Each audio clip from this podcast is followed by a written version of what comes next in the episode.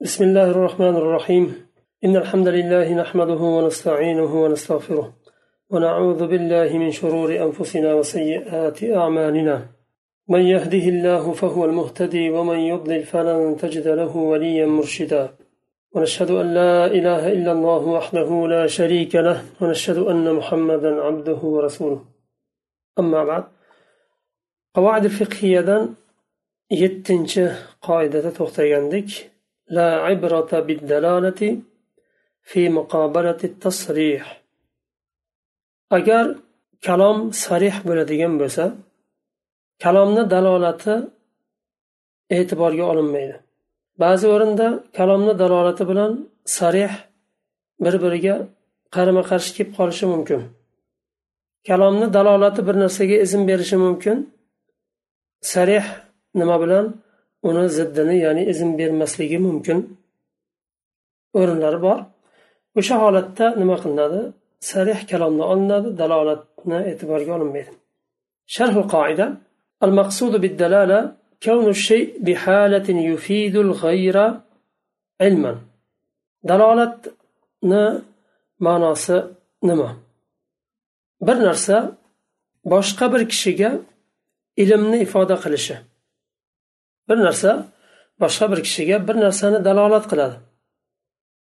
والدلالة بهذا المعنى معتبرة bu ma'nodagi dalolat e'tiborga olinadi ويترتب عليها الحكم المناسب unga ko'ra munosib bo'lgan bir hukm beriladi ولكن إذا تعارضت تعارضت الدلالة والتصريح أي القول الصريح أو ما يقوم مقامه فإن المعتبر والمعول عليه في ترتيب الأحكام هو التصريح لا الدلالة أما أجر dalolat bilan kalomni dalolati bilan sarih so'z bir biriga qarama qarshi keladigan bo'lsa dalolatni e'tiborga olinmaydida sarih so'zni olinadi chunki kalomni dalolati bir narsani bildirishi mumkin lekin mutakallim uni ziddini aytdi sarih aytdi. U holatda biz e, bu kalom bunga dalolat qilardiyu deb uni u kishini sarih so'ziga qarshi hukmni bermaymiz. Ya'ni sarih so'zni olamiz.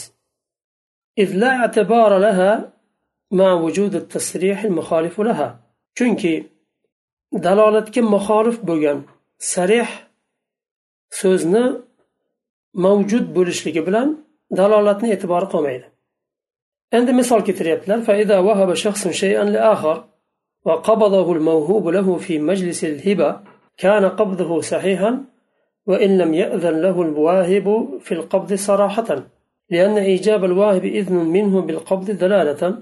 وأما لو نهاه عن القبض فلا يصح قبضه لأنه لا لا عبرة للدلالة في مقابلة التصريح. أجر kishi boshqa bir kishiga bir narsani hadya qildi. Va shu hadya qilib berilgan kishi hadyasini shu majlisni o'zida oldi. Agar shunga hadyani egasi izn bermagan bo'lsa ham hadya sizga hadya qildim deganini o'zi dalolat qiladi uni olishga izn berishlikka dalolat qiladi. Hadya qilgandan keyin majlisni o'zida hadya qilib berilgan kishi hadyani oldida ketdi.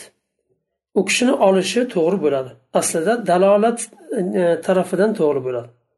Bu nimani e, ijob deganda hadya qilib beruvchi kishini so'zini ijob deyiladi. Ijob qabul deydi savdoda bor bu aqdi nikohda bor. Qabul qildingizmi desa ha qabul qildim deydi.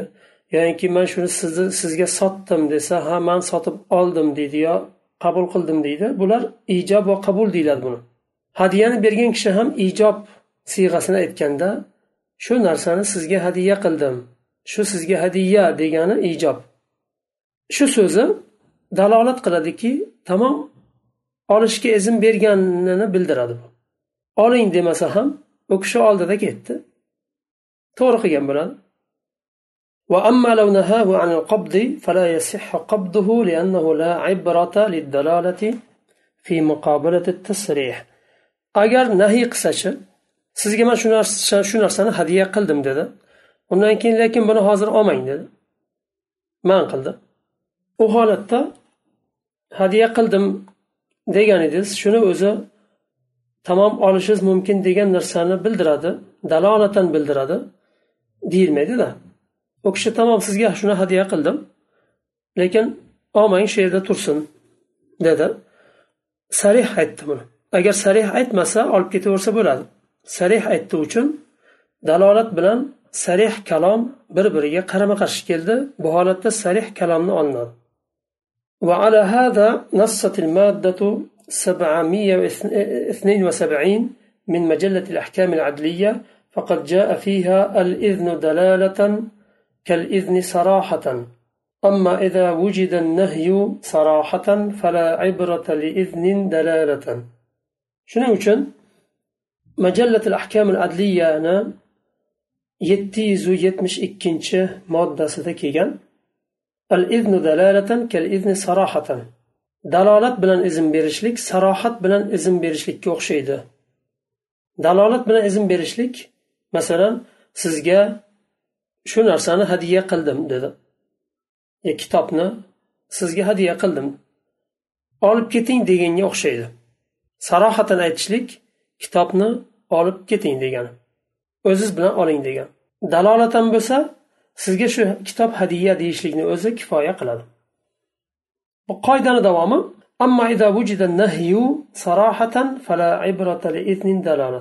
agar sarih aytilgan nahiy bo'lsa topiladigan bo'lsa u holatda dalolat bilan dalolatga ko'ra berilgan izinga izinni e, e'tibori qolmaydi e'tiborga olinmaydi.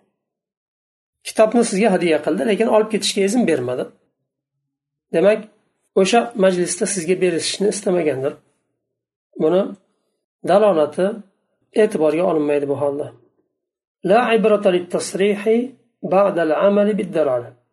qoidani bu tadbiqotlaridan farqlaridan dalolatga ko'ra amal qilgandan keyin sarih kalomni foydasi qolmaydi e'tibori qolmaydi masalan olib ketib bo'lgandan keyin bir narsani olib ketmang deyishlikni ibrat nimasi e'tibori qolmaydi misollar kelishi kerak hali ولكن بعد العمل بموجب الدلالة لا عبرة للتصريح Mhm.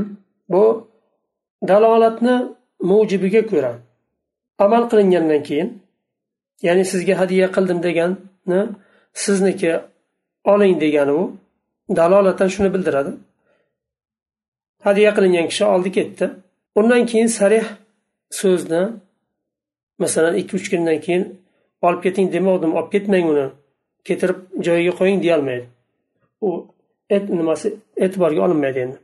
Chunki olib ketib bo'ldi tamom فلو سمع شخص أن فضوليا باع ماله فطلب منه الثمن كان طلبه هذا إجازة للبيع دلالة. فإذا رد بعد ذلك بيع الفضولي صراحة لا يصح رده. إذ لا عبرة لرده الصريح لبيع الفضولي بعد إجازته دلالة. فضولي izn bermagan holda bir kishini moliga tasarruf qilgan kishini fodoli deyiladi. Masalan siz izn bermadingiz bir kishiga aytmadingiz kelib sizni bog'ingizni nimangizni og'darib sug'orib nima qilib qarab yurgan kishi fodoli deyiladi. Yoyinki bir molingizni mulkingizni bir narsani e, o'zicha siz aytmagan holda o'zidan kelib chiqib sotayotgan bo'lsa agar o'sha pulini yig'ishtirib sizga keltirib beradi u agar pulini sizga keltirib bermaydigan bo'lsa u e, fuduli ham deyilmaydi. Boshqa narsaga o'tib ketadi u. E, masalan sizni qovuningiz bor. Shuni sotib pulini sizga keltirib beryapti. Siz aytmagan ham siz menga soting deb. Buni fuduli deyiladi. O'zicha o'zidan kelib chiqib bir haligi ish qilayotgan kishi bo'ladi u. Agar bir kishini molini bir fuduliy sotayotganini eshitsa molni egasi eshitdi undan keyin shu fuzuliydan pulni talab qildi. Sotgan pulni talab qildi bering dedi. Talab qilishini o'zi bu fuzuliyga molini sotishga izn berganligiga dalolat qiladi. Undan keyin agar fuzuliyni qilgan ishini rad qiladigan bo'lsa inkor qiladigan bo'lsa men bu odamga sot demaganman. O'zicha sotyapti man buni inkor qilaman deydigan bo'lsa to'g'ri bo'lmaydi. Chunki inkor qilmasdan oldin bu kishi pulni talab qildi. Sotgan pullarni hammasini bering dedi. Qancha sotgan bo'lsangiz bu pulini talab qilishini o'zi dalolatan bildiradiki bu kishi shu fuduliyga izn berdi. Min furu'il qoida va tatbiqotiha. Shu qoidani furu va tadbiqotlaridan yana shatun li inson خيف عليها من الموت فذبحها إنسان كي لا تموت فيحرم أكلها لا يضمن ذابحها استحسانا لأنه مأذون من مالكها دلالة bir kishini qo'yi o'ladigan holda edi agar so'ymasa o'lib qoladi boshqa bir kishi oldida so'ydi chunki u egasi yo'q edi harom o'lmasin deb so'ydi go'shtidan shuni qo'yni egasi foydalansin degan niyat bilan so'ydi bu holatda nima uchun so'ydiz qo'yimni haqqini to'laysiz deyolmaydi. Doman haligi doman deb haligi bir narsani qiymatini zimmasida zimmasida qiymati qolishligi haqqini to'lashlik. Masalan sizni bir narsangizni e, bir kishi oldi va buzib qo'ydi yo sindirib qo'ydi. Uni haqqini to'lash kerak. Bu holda uni nima deymiz? Doman deymiz buni. Yadman deyiladi. La yadmanu zabihuha qo'yni so'yuvchisi domonini olmaydi. Haqqini qo'yni egasiga to'lamaydi. Istehsonan bu. Istehson tarafdan. Nima uchun? Chunki dalolat tarafidan dalolatga ko'ra nima e, dalolat jihatidan izn berilgan qo'yni egasi tarafidan izn berilganga o'xshaydi chunki bir musulmonni molini saqlab qolyapti haromga chiqib ketib e, isrof bo'lib ketishdan nima qilib e, mulkini molini saqlab qolyapti bir musulmonni إذا قبض المشتري المبيع قبل نقد الثمن بمشهد من البائع ولم ينهه صح القبض وسقط حق الحبس بالثمن بدلالة السكوت عن الإذن وبالتالي لا يملك استرداد المبيع بل يطالبه بالثمن. أما لو وجد صريح النهي فلا يسقط حق الحبس وله أن يسترده منه ويحبسه bittaman bir kishi boshqa bir kishiga molini sotdi bir molni sotdi va mushtariy olgan molini hali pulini bermasdan oldin molni oldi. Va molni egasi uni inkor qilmadi. Sarohatan aytmadi ha oling ham demadi yo olmang pulini berganingizdan keyin olasiz ham demadi indamadi. Mushtariy molni oldida uyga ketdi. Bu holatda molni egasi qaytarib molini ketirib pulini berguncha uyimda turadi olmaysiz deyishga haqqi qolmaydi soqit bo'ladi endi. Chunki u kishini sukut saqlash qaytarmasligi dalolatan bildirdiki nimani? Mushtariyni olib ketishiga izn berganligini bildiradi. Haqqini to'lamagunizcha bermayman deb qaytarib ketirib ushlab turishga haqqi qolmaydi faqatgina endi mushtariydan uni evazini pulini talab qiladi. agar sarih aytgan bo'lsa qachon pulini olib kelsangiz molni olib ketasiz degan bo'lsa undan keyin molni egasi ko'rmay qoldi yo bilmay qoldi mushtariy oldi uyga ketdi u holatda uyidan qaytarib ketirtirib shu do'konga qo'yib biladi ketirib molni qo'yasiz pulni bermagunizcha olmaysiz deyishga haqli bo'ladi chunki sarih aytgan edi keyingi misol يستدل على مصارف الوقف بتعامل القوم السابقين. ولكن إذا وجد كتاب الوقف المو... الموثوق الموثوق به فلا عبرة بتعامل القوم على خلافه لأن كتاب الوقف بشأن مصارف الوقف كالتسريح بهذه المصارف وتعامل القوم في مصارف القوم كالتعريف بهذه المصارف دلالة ولا عبرة للدلالة على في مقابلة التصريح vaqflar bor masalan vaqf mehmonxonalar bor vaqf o'quvchilar yurti bor vaqf qilingan. Darnak yo boshqa karvonsaroy deydi. Shunga o'xshagan nimalar? Vaqflar bor. Shuni qavmni odatiga ko'ra muomala qilinsa bo'ladi. Agar vaqf qilib ketgan kishini sarih bir nimasi yozib qoldirgan narsasi bo'lmasa. Masalan bir vaqf aytaylik yo madrasa vaqf qilingan. Yo e, mehmonxona masalan aytamiz buxoriylarni mehmonxonasi vaqf vaqf deyiladi. Buxoriylarni buxorodan kim kelsa shularga tekin shularni xizmatida bo'ladi bu mehmonxona deb qurilgan. Yoyinki kim dimashqdan kelsa dimashqliklar uchun faqat bu mehmonxona deyilgan bo'lsa boshqalar qo'yilmaydi. Shu dimashqdan kelganlar undan bepul foydalanishi mumkin. Va qavmni bir o'ziga yarasha bir buni muomalasi bo'lsa o'sha qavmni muomalasiga ko'ra davom ettirsa bo'ladi bu dalolatan bo'ladi. Ammo bir necha yildan keyin vaqfni haqiqiy egasini qo'l yozmasi chiqib qoldi. U yerda bu qavmni amal qilib kelayotgan vaqfni nimasini idorasini yuritib kelayotgan nimasiga qarshiroq ba'zi yerlari chiqdi.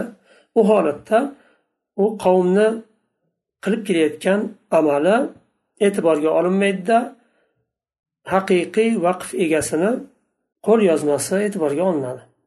Masalan faqat falon yurtni odamlari uchun boshqalar qo'yilmasin deyishi mumkin yo faqatgina faqirlar uchun deydigan bo'lsa boylar qo'yilmaydi. E, faqatgina o'quvchilar uchun tolib ilmlar uchun desa tolib ilmlardan boshqasi qo'yilmaydi. Shunga o'xshagan vaqfni egasi qanday shart bilan qoldirgan bo'lsa o'sha nima bilan e, davom etilinadi va qavmni undan oldin qilib kelgan odatiga ko'ra davom ettirilmaydi. Chunki sarih nimani vaqfni egasini so'zi qarshisida u dalolat olinmaydi جاء في المادة 772 من مجلة الأحكام العدلية الإذن دلالة كالإذن صراحة أما إذا وجد النهي صراحة لا عبرة للإذن دلالة مجلة الأحكام العدلية 772 moddasida kelgan dalolat bilan izn berishlik sarih izn berishlikdek Ammo sarih nahiy topiladigan bo'lsa dalolat bilan berilgan iznni e'tibori qolmaydi misol uchun إذا دخل رجل دار دار آخر بإذنه فوجد إناء معدا للشرب فهو مأذون دلالة بالشرب منه.